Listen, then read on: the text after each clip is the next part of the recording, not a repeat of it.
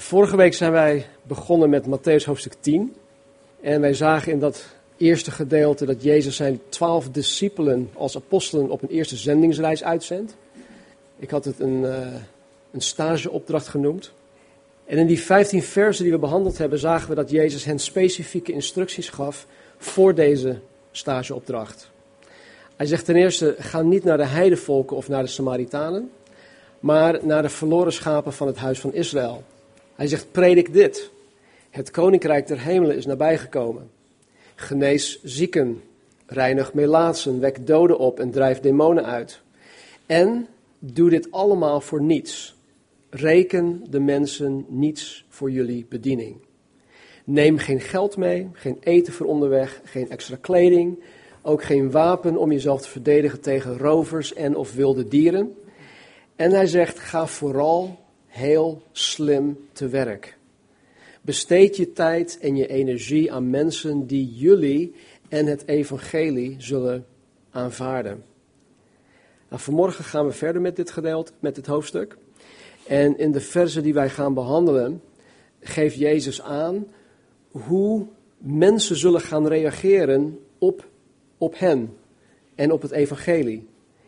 Jezus bereidt zijn discipelen hier, hiervoor, hiervoor op uh, wat zij kunnen gaan verwachten. Hè, terwijl ze op weg, op weg gaan. Op wat zij um, tegen zullen gaan komen als discipelen, of terwijl als apostelen. Dus laten we het vanmorgen oppakken in hoofdstuk 10, vers 16. Matthäus 10, vers 16. Jezus zegt: Zie, ik zend u als schapen te midden van de wolven. Wees dus bedachtzaam als de slangen en oprecht als de duiven. Maar wees op uw hoede voor de mensen, want zij zullen u over, overleveren aan de raadsvergaderingen en in hun synagogen zullen zij u gezelen. En u zult ook voor stadhouders en koningen geleid worden, omwille van mij, tot een getuigenis voor hen en de heidenen. Maar wanneer zij u overleveren, moet u niet bezorgd zijn hoe of wat u spreken moet, want het zal u op dat moment gegeven worden wat u spreken moet. Want u bent het niet die spreekt, maar de geest van uw vader die in u spreekt. De ene broer zal de andere broer overleveren om gedood te worden. De vader het kind. En de kinderen zullen tegen de ouders opstaan en hen doden. En u zult door allen gehaat worden omwille van mijn naam. Maar wie volharden zal tot het einde, die zal zalig worden. Wanneer ze u in de ene stad vervolgen, vlucht dan naar de andere. Want voorwaar ik zeg u, u zult uw rondgang door de steden van Israël niet geëindigd hebben, voordat de zoon des mensen gekomen is. Tot zover. Ik vind hoofdstuk 10 aan de ene kant zeer bemoedigend, omdat Jezus er geen uh, doekjes om wint, maar anderzijds is dit heel zwaar. Het is, het is zware kost. Het is geen feel-good message. Het is, het is gewoon lastig, denk ik. Maar het is, het is ook verfrissend voor mij. En wat ik zo verfrissend vind in Jezus is zijn eerlijkheid. Zijn eerlijkheid in hoe hij omschrijft wat, wat, wat, wat hen als apostelen allemaal te wachten staat. Als je vandaag de dag mensen spreekt over een baan. En dan krijg je regelmatig te horen dat mensen opnieuw, zoek, opnieuw, opnieuw, ah, opnieuw op zoek gaan naar een andere baan. Omdat hun huidige baan toch iets anders werd voorgehouden tijdens de sollicitatiegesprekken. Is dat voor jullie herkenbaar? Hebben jullie dat ooit meegemaakt? Oké. Vaak wordt dit soort, ik laat, laat ik even een bedrog noemen. Vaak wordt dit soort bedrog gerechtvaardigd door het een dynamische functie te noemen. Het is een dynamisch bedrijf, uh, dynamische functie, wat eigenlijk betekent dat uh, in vele gevallen de organisatie niet precies weet wat ze aan het doen zijn en dat het dan overal een beetje, beetje rommelt. Um, ik heb daar ervaring mee. dus, maar goed, Jezus maakt er niet iets mooier van dan het was. En hij wond er ook geen doekjes omheen. Hij zegt in vers 16: Zie, ik zend u als schapen te midden van de wolven. Nou, dit heeft vandaag de dag in onze cultuur weinig betekenis. Maar de apostelen van Jezus wisten precies wat Jezus hiermee bedoelde. Uh, schapen. Hebben jullie ooit schapen meegemaakt van dichtbij? Ja. Nou, ze zijn van nature de meest afhankelijke, hulpeloze en, laat ik het even netjes zeggen, niet slimme dieren. En, en zonder de zorg van een herder zouden schapen het überhaupt niet overleven, laat staan dat zij uh, zouden floreren. Schapen die raken, die raken net zo gauw in paniek over ongevaarlijke dingen als over levensgevaarlijke dingen. En ze kunnen daar geen onderscheid in maken.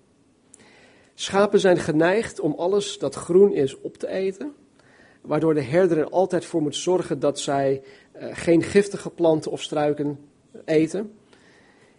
Omdat schapen overgevoelig zijn voor extreme weersomstandigheden, voor uh, ja, ontsteking en ziekte, moeten ze regelmatig en ook per schaap, dus individueel, gecheckt worden voor snijwonden, voor schaafwonden, voor insecten, voor parasieten en dat soort dingen. Want deze dingen kunnen bij een schaap allemaal tot ziekte of tot de dood leiden.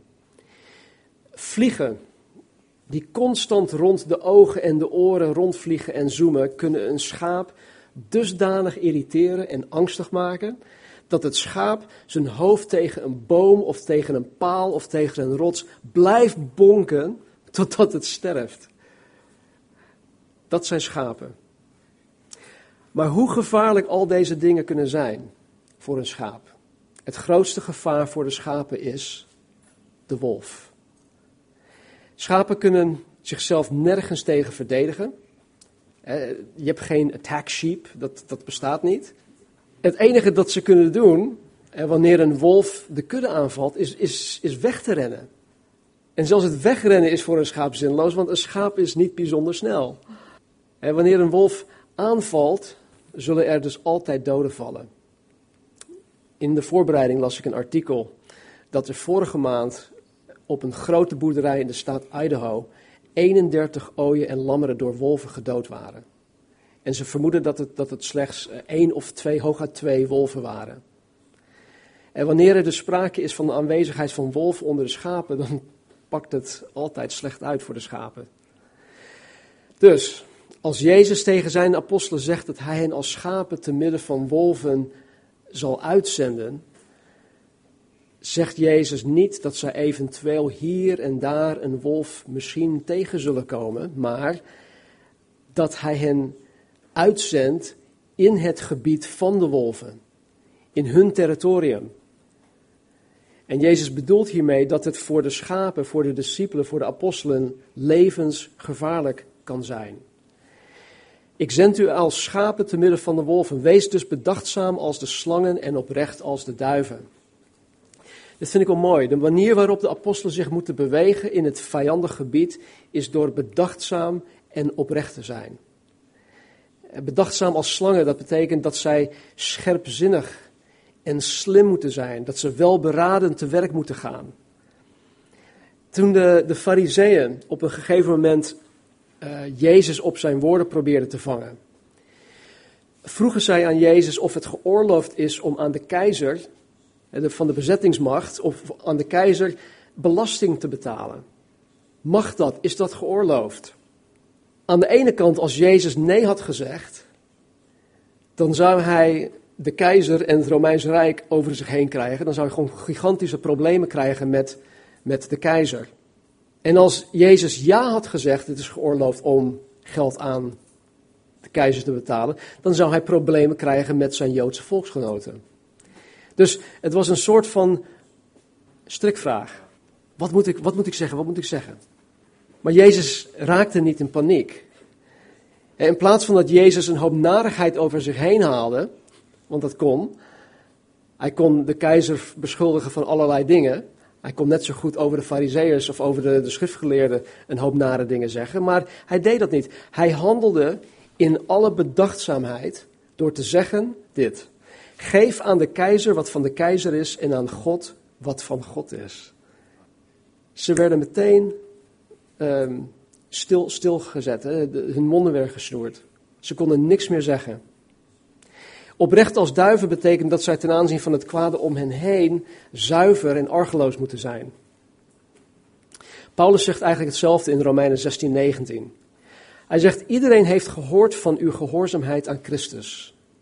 U begrijpt wel dat ik daar heel blij mee ben.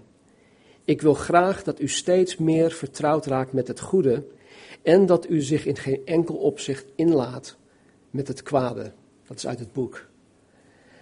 Weet je, het is, het is menselijk gezien al te makkelijk om besmet te worden met het kwade om je heen. Ervaren jullie dat soms? Het gaat soms zonder dat je het doorhebt. Denk alleen maar aan, althans dit is mijn zwakheid, uh, aan hoe het asociaal rijgedrag van een ander jouw rijgedrag kan beïnvloeden.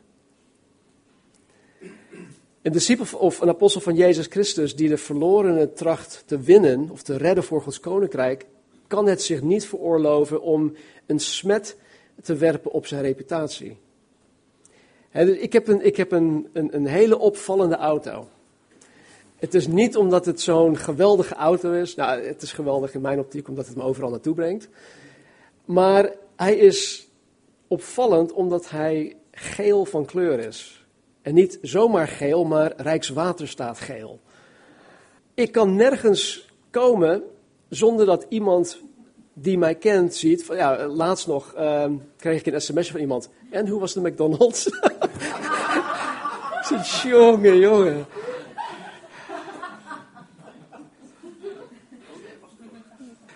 Maar als ik dan asociaal rijgedrag vertoon in die auto, terwijl mensen in de Haarlemmermeer of in Noord-Holland weten dat ik, dat ik, de, ik christen ben, ja, dat, dat kan gewoon niet. Dan zullen, ja, dan zullen ze ook zeggen van ja, hij, hij, hij zegt christen te zijn, maar moet je, moet je kijken hoe, hoe die rijdt. Ik hoop dat jullie ook daar niet schuldig aan maken. Dat, dat jullie rijgedrag ook uh, getuigt van, uh, van Jezus Christus. Filippenzen 2, 14 tot 16 zegt dit. Doe alles zonder mopperen en zonder ruzie, zodat niemand een kwaad woord van u kan zeggen. Leef in deze ontwrichte, bedorven wereld als zuivere, onschuldige kinderen van God. Want in deze wereld bent u als sterren die het licht van God uitstralen en die de mensen het woord van God voorhouden dat het leven geeft. Dan zal ik mij op de dag dat Christus terugkomt erover kunnen verheugen dat al mijn werk onder u niet voor niets is geweest. Dat is ook uit het boek. Het Centrum voor Bijbelonderzoek zegt het volgende. De schranderheid hebben ze nodig om niet in de strikken van de vijand verward te raken, maar het verstand mag niet sluw of kwaaddenkend zijn. Daarom moet er tevens sprake zijn van argeloosheid, zuiverheid en oprechtheid. Zie, ik zend u als schapen te midden van de wolven. Wees dus bedachtzaam als de slangen en oprecht als de duiven. Vers 17.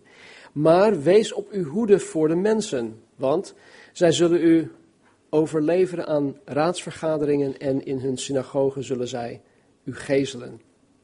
In Efeze 6, vers 12 leert Paulus ons over de geestelijke strijd die wij als christenen voeren. En dan zegt hij in vers 12 dit: Wij hebben de strijd niet tegen vlees en bloed, dus tegen mensen, maar tegen de overheden, tegen de machten, tegen de wereldbeheersers van de duisternis van dit tijdperk, tegen de geestelijke machten van het kwaad in de hemelse gewesten. Met andere woorden, tegen Satan en zijn demonen. Hier leert de Bijbel ons dat wij als christen een, een strijd voeren. Wij, wij, wij zitten te midden van een strijd. En de, de strijd die de christen uh, voert, is een strijd tegen Satan en zijn, tegen zijn demonen. Satan is de grote vijand van Jezus Christus en als christen zijnde dus ook van mij. Alles, maar dan ook alles in dit leven, aan deze kant van de eeuwigheid, dat tegen het ware Bijbels christendom ingaat, is van Satan. Is afkomstig van Satan. Dan moet je niet zeggen van ja, maar en, uh, zeg je nou dat, dat Satan overal is en dat hij overal achter zit? Als het dwars tegen Jezus Christus ingaat, dan zeg ik ja, punt uit. Maar, maar, zoals God menselijke instrumenten gebruikt om zijn doel te realiseren, gebruikt Satan ook menselijke instrumenten om zijn doel te realiseren. En zijn doel is om zoveel mogelijk mensen van Jezus Christus en van de waarheid af te houden. De wolven waarover Jezus sprak zijn dus mensen. Het zijn mensen. En in vers 17 noemt Jezus uh, overheids- en religieuze instanties. De raadsvergaderingen waarover Jezus hier spreekt, dat waren rechtbanken. En bijvoorbeeld het Sanhedrin, dat in het Nieuw Testament genoemd wordt, dat was de hoogste Joodse rechtbank van die tijd. En Jezus zegt dat omdat zijn apostelen het evangelie gaan verkondigen. Zij, en omdat ze dat doen, zij uiteindelijk uh, door mensen voor de rechter gesleept zullen worden. In handelingen zien wij dat Petrus en Johannes door de raadsvergadering veroordeeld werden. Handelingen 4. Ook zien wij dat Paulus op dezelfde manier voor de rechter gesleept werd. Tot meerdere malen toe zelfs. Nou, de synagoge, dat was de, de, de kerk van die tijd. Als ik het even zo mag noemen. En hier zien wij dat de synagoge onder andere mensen gezelde om hen te straffen. Kijk, wij binnen de gemeente van Jezus Christus, wij, wij kennen ook uh, discipline. we hebben ook bepaalde maatregels die getroffen moeten worden wanneer het nodig is. Maar stel je voor dat, dat wij op een zondag mensen gingen gezelen om, dat, om hen te straffen. Dat is toch bizar? Maar de, de mensen in de synagoge die, die, die deden dat dus wel. En deze bestraffingen, die werden uitgevoerd door mensen in de naam van religie. De apostel Paulus schrijft in 2 Korinthe 11 dit. Hij zegt, van de Joden heb ik vijfmaal de 40 min 1 zweepslagen ontvangen. Nou, het aantal 40 dat spreekt van, um, van oordeel. Dus 40 min 1 spreekt van genade. Dus in, in, hun, in hun beleving. Dus om iemand 40 zweepslagen te geven, ja, nou, dat, dat is te veel. Dus doe maar 39. Dan zijn we in ieder geval nog een beetje genadig. Paulus heeft dat dus tot vijfmaal toegekregen. En dat zijn geen, geen, geen tikken op de vinger. Nee, zweepslagen. Waardoor je hele rug open en bloot gescheurd wordt. Driemaal, zegt hij, ben ik met de roede gegezeld en eenmaal ben ik gestenigd.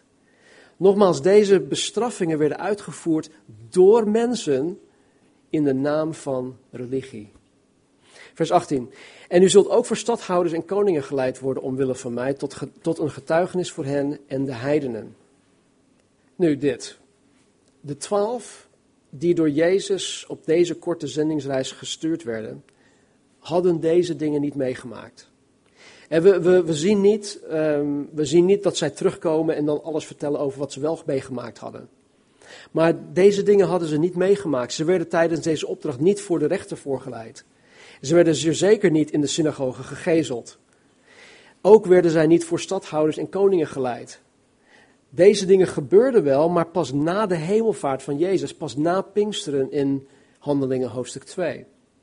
Dus hoe zit het, hoe zit, hoe zit het dan? Uh, Jezus zendt hen uit en hij zegt, dit kan je allemaal gaan verwachten. Maar wat Jezus hier zei, dat gebeurde dus niet. Dus hoe zit dat? Als je één ding vandaag met je meeneemt, dan moet het dit zijn. Luister heel goed, dit is zo belangrijk. Wat wij heel goed moeten begrijpen met betrekking tot profetieën, is dat wanneer een profetie in de Bijbel vastgelegd wordt, het vaak voor meerdere tijden bedoeld is. Bijvoorbeeld dit. In Micha 5, vers 1 staat dit.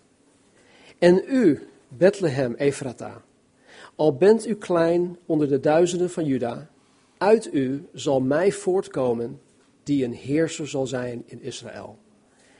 Deze profetie spreekt in één zin over één, de geboorte van Jezus Christus. En twee, het spreekt over de toekomstige heerschappij van Jezus als de Messias van Israël. In één zin. In deze profetie is één aspect reeds vervuld. Jezus Christus is in Bethlehem geboren, maar het andere nog niet. Dus dat is nog toekomstig. Nog een voorbeeld. In Joel 2, vers 28 tot 31. Joel profeteert. Hij zegt, daarna zal het geschieden dat ik, dus God, mijn geest zal uitstorten op alle vlees. Uw zonen en uw dochters zullen profiteren, en uw ouderen zullen dromen dromen, uw jonge mannen zullen, zullen visioenen zien. Ja, zelfs op de dienaren en op de dienaressen zal ik in die dagen mijn geest uitstorten. Nou, met Pinksteren geeft, geeft de uh, apostel Petrus een preek en hij citeert dit gedeelte van, dit is nu vervuld mensen, dit gebeurt op dit moment. En dan, zegt, dan staat er iets verder in Joel, ik zal wondertekenen geven aan de hemel en op de aarde, bloed en vuur en rookzuilen.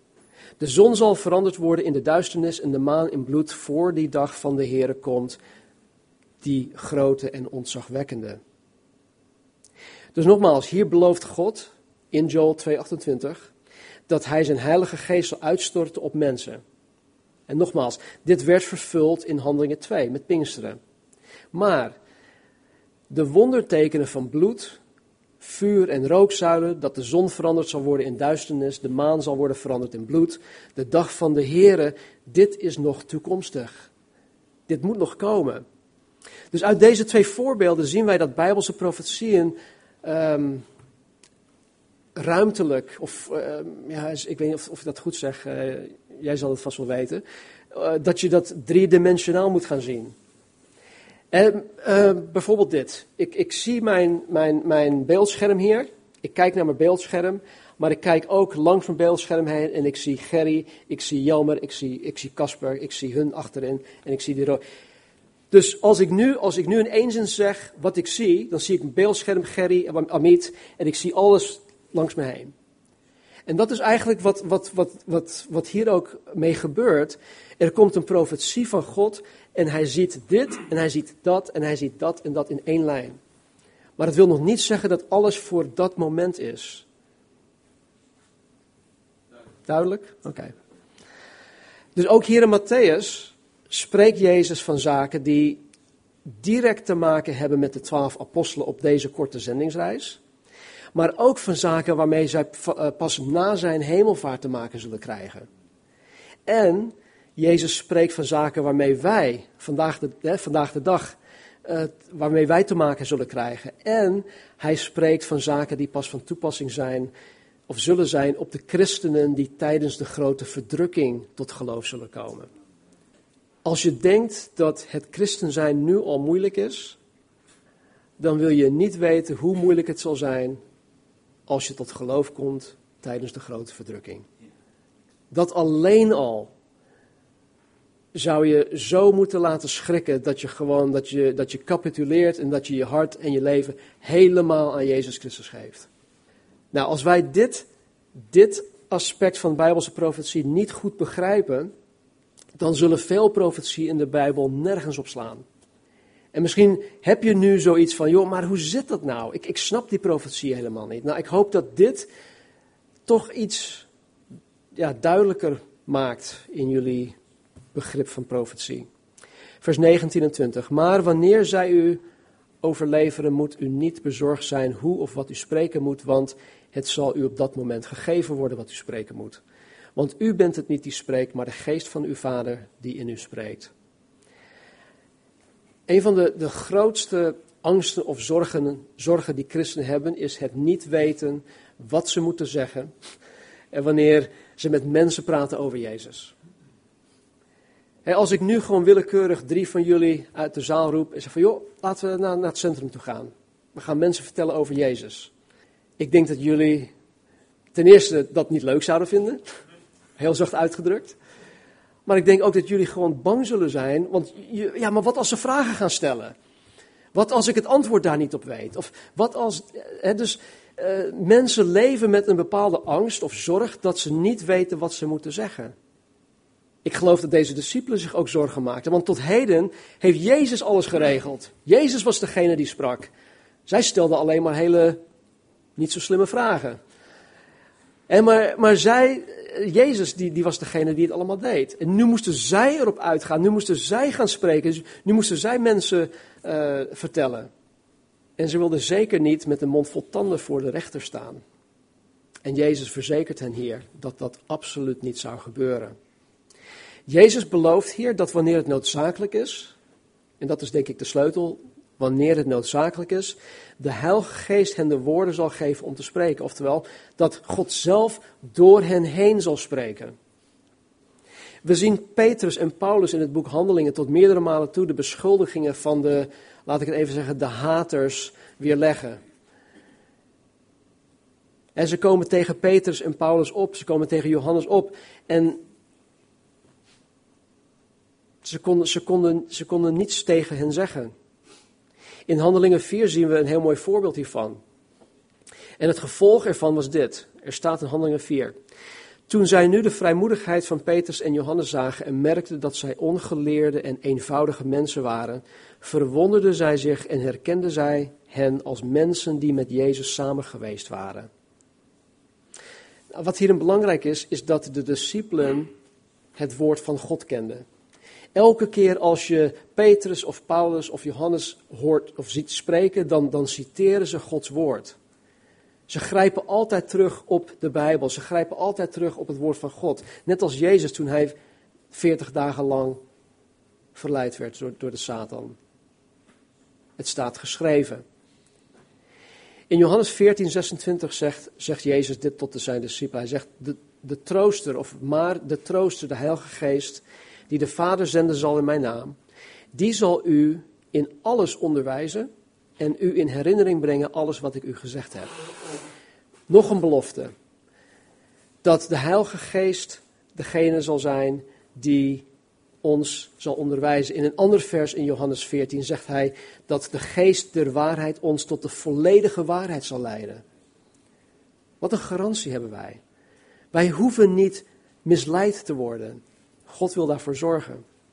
Weet je, deze belofte, dit werd aan de discipelen gegeven, maar ik geloof dat het ook voor ons geldt. Maar ik geloof ook dat er een voorwaarde voor is. Mijn persoonlijke mening is dit. En de voorwaarde is dat wij het woord van God kennen. In Colossense 3:16 zegt Paulus: Laat het woord van Christus rijkelijk in u wonen. Laat het woord van Christus in rijke mate in u wonen. Nou, hoe komt het woord van Christus in mij? Door het te lezen, door het te bestuderen. Ik geloof dat, kijk, de Heilige Geest kan van alles. Dat, dat voorop. Maar ik geloof dat voordat de Heilige Geest iets tot onze herinnering kan brengen, moet het wel eerst in onze geheugen opgeslagen zijn. Dat is wel zo logisch. De ene broer, vers 21, zal de andere broer overleveren om gedood te worden. En de vader, het kind en de kinderen zullen tegen de ouders opstaan en hen doden. Nou, dit lijkt ondenkbaar. God alleen weet welke broers of zussen of ouders christenen overgeleverd hebben in bijvoorbeeld de eerste eeuw. En waarin, waarin uh, miljoenen christenen gedood werden. God alleen weet welke familieleden christenen overgeleverd hebben in bijvoorbeeld in China of in Noord-Korea en in andere landen waar het christendom verboden is. En dit is vandaag de dag helaas voor een aantal christenen, voor een aantal van onze broers en zussen, een realiteit. En ik geloof dat, dat, dat het voor christenen die in de grote verdrukking tot geloof zullen gaan komen, alleen maar erger zal zijn. Vers 22. En u zult door allen gehaat worden omwille van mijn naam. Maar wie volharden zal tot het, maar wie volharden zal tot het einde, die zal zalig worden. Als je openlijk, radicaal voor Jezus Christus staat, dan zal je ongetwijfeld door mensen die niets met gerechtigheid te maken willen hebben, gehaat worden. Ongetwijfeld. Praat maar met zogenaamde goede mensen die bijvoorbeeld fraude plegen. En mensen die sjoemelen met hun belastingaangifte. Of studenten die tegen de duo zeggen dat ze uitwonend zijn terwijl ze bij hun ouders inwonen. Of mensen die een bijstandsuitkering um, krijgen die er wettelijk geen recht op hebben. Kobus heeft met dat soort zaken te maken. Vraag maar aan Kobus hoe mensen tekeer gaan wanneer Kobus dat aan de kaak stelt. Als je dit soort mensen of deze mensen op hun fraude aanspreekt, dan zal het jou op zijn minst niet in dank worden afgenomen. En dat is heel zachtjes uitgedrukt. Het is namelijk zo dat wanneer je door de, de nauwe poort Hè, waar Jezus het over heeft. Wanneer je door de nauwe poort binnengaat en als je op de smalle weg wandelt. De mensen die door de wijde poort binnengaan, die op de brede weg wandelen, jou zullen haten. Nogmaals, wij mogen de confrontatie niet opzoeken. En wij moeten niet strijdlustig zijn. Jezus zei niet van, ik stuur jullie uit of ik zend jullie uit als wolven onder de schapen. Verscheur de schapen maar. En soms, soms zou ik dat wel willen. Ik ben een wolf. Nee, het is andersom. Dus wij moeten niet strijdlustig zijn. Maar als niemand jou haat omwille van Jezus Christus, dan is het misschien omdat je niet openlijk omwille van Jezus Christus leeft. Omdat je niet openlijk omwille van Jezus Christus handelt. Maar wie volharden zal tot het einde, die zal zalig worden. Ik geloof niet dat het zo is dat men per se moet volharden om gered te worden. Ik geloof dat Jezus dat andersom bedoelt. En dat mensen die gered zijn, oftewel die zalig worden, die zullen per definitie gaan volharden tot het einde. Dat definieert een christen. Volharding. Een christen is geen christen omdat hij volhardt. Nee, een christen volhardt omdat hij christen is. Mijn volhardingsvermogen is voor mij persoonlijk een goede graadsmeter voor mijn redding. Als ik telkens weer zaken van Jezus Christus en Gods Koninkrijk nalaat, als ik andere prioriteiten stel, dan kan ik er ook van uitgaan dat ik geen volhardingsvermogen heb. En daar kan ik voor mezelf conclusies uit trekken. Vers 23. Wanneer ze u in de ene stad vervolgen, vlucht dan naar de andere, want voorwaar, ik zeg u, u zult uw rondgang door de steden van Israël niet geëindigd hebben voordat de zoon des mensen gekomen is. Nou, Jezus spreekt hier dus weer tot de twaalf die op dat moment uitgezonden werden.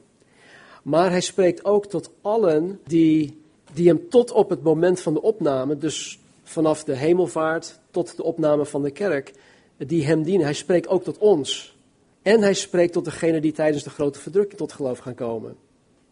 Kijk, wat Jezus in wezen zegt, is dat wij in beweging moeten blijven. Paulus die ging bijvoorbeeld naar een stad toe op zijn zendingsreizen. Hij verkondigde daarom het evangelie. En het was niet zo dat hij, dat hij per se vanaf een, een, een, een, zeepkistje ging verkondigen. Nee, hij sprak mensen gewoon aan. En hij verkondigde daar het evangelie. Omwille van het evangelie in Jezus Christus werd hij in die stad vervolgd. Waardoor hij vervolgens die stad verliet. En, weer nou, en, weer dan, en dan weer door naar een andere stad toe ging. Om daar het evangelie te verkondigen. Je zag dat Paulus constant in beweging was. God wil niet, en dat geloof ik weer mijn eigen mening, God wil niet dat ik per se op één en dezelfde plek blijf, terwijl de mensen mij en het evangelie niet aanvaarden, hè, maar daarentegen mij vervolgen. Jezus wil dat wij onze, onze hersens gebruiken, dat wij ons goed verstand gebruiken. Als mensen ons en het evangelie niet aanvaarden, dan moeten wij, op zijn plat Hollands gezegd, verkassen. anders is het, ehm, ja, hoe zeg je dat, uh, beating a dead horse, uh, trekken aan een dood paard. Dat is zinloos. Nou dit, tot slot. Nou, behalve de inhoud van de woorden van Jezus in dit gedeelte, is denk ik het allerbelangrijkste om te onthouden dat deze profetie van Jezus in dit stuk bestemd is voor één. De twaalf die in dit gedeelte uitgezonden worden. Twee, de twaalf die na de hemelvaart en na Pinksteren uitgezonden zijn. Het is voor ons totdat wij of sterven of totdat Jezus de gemeente opneemt. En het is voor degenen die tijdens de grote verdrukking tot geloof in Jezus Christus komen. Dus yes, ja, Jezus zendt ons nu uit als schapen te midden van de wolven. Maar Jezus is onze goede herder. Amen. Hij zal ons beschermen. Hij zal ons behoeden, bewaren. Hij zal um, voor ons zorgen. Wij die Jezus Christus navolgen. En uiteindelijk zullen wij in alle heerlijkheid met Hem en met elkaar voor eeuwig zullen feesten. Het zal een feest zijn. We moeten het lied eigenlijk ook leren. Dat heet uh, When We All Get to Heaven. When we all get to what a day of rejoicing it will be. When we all see Jesus. You know, sing and shout his victory. Maar bovendien, Jezus Christus is het waard. Hij is het waard. Laten we bidden. Vader, u bent onze herder. Heren, en ons ontbreekt absoluut niets. Dank u wel dat u zo duidelijk bent in uw woord. En heren, dat u ja, uw woord ook aan ons openbaart. Dat u ons verlicht, dat u ons helpt om het te begrijpen. Dus heren, het is geen feel-good boodschap, maar het is wel iets dat we nodig hebben.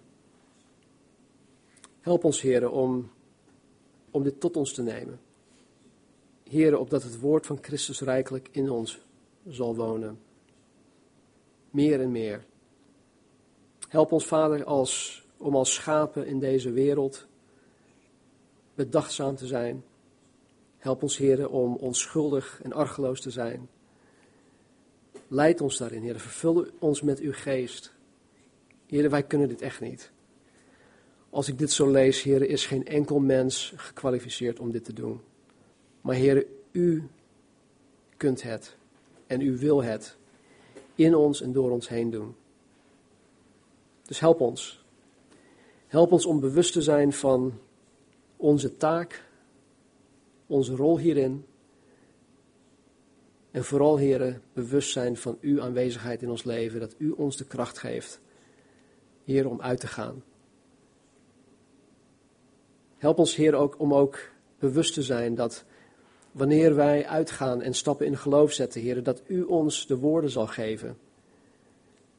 Dat u degene zal zijn die, die door ons heen zal spreken. Dat wij slechts een spreekbuis zijn.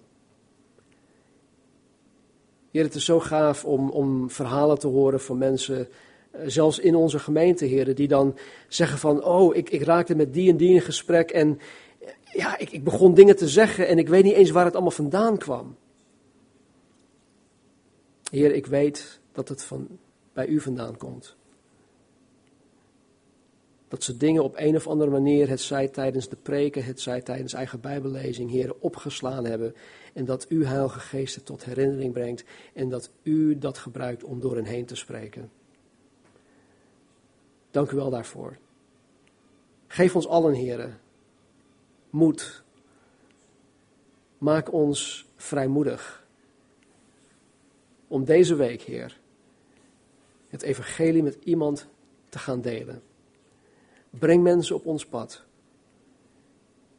We bidden, Vader. U bent de Heere van de oogst. En wij bidden dat u arbeiders zal uitzenden in die oogst. Omwille van uw naam. In Jezus' naam. Amen. Laten we gaan staan. De Heere is mijn herder, mij ontbreekt niets. Hij doet mij neerliggen in grazige weiden. Hij leidt mij zachtjes naar stille wateren. Hij verkwikt mijn ziel. Hij leidt mij in het spoor van de gerechtigheid omwille van zijn naam. Al ging ik ook door een dal vol schaduw van de dood, ik zou geen kwaad vrezen, want u bent bij, met mij.